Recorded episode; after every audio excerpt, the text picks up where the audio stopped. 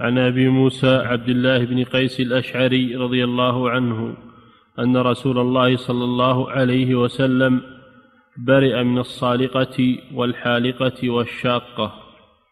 الواجب الصبر والاحتساب عند المصيبة.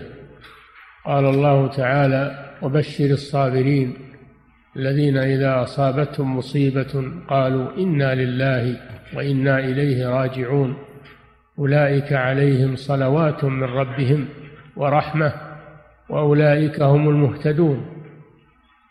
فالمشروع الصبر عند المصائب عند موت القريب والحبيب.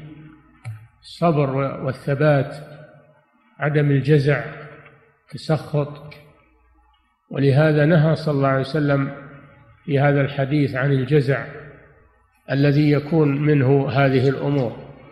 الصالقة وهي التي ترفع صوتها عند المصيبة بالنياحة. تقول وعضداه وظهراه وكذا وكذا. هذا في الجاهلية هذا عدم الصبر ويدل على الجزع. والحالقة التي تحلق شعرها عند المصيبة وهذا من أفعال الجاهلية.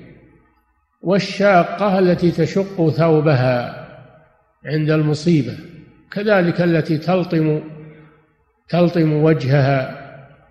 كل هذه من مظاهر الجاهلية عند المصائب والواجب الصبر والاحتساب والنياحة كبيرة من كبائر الذنوب. نعم.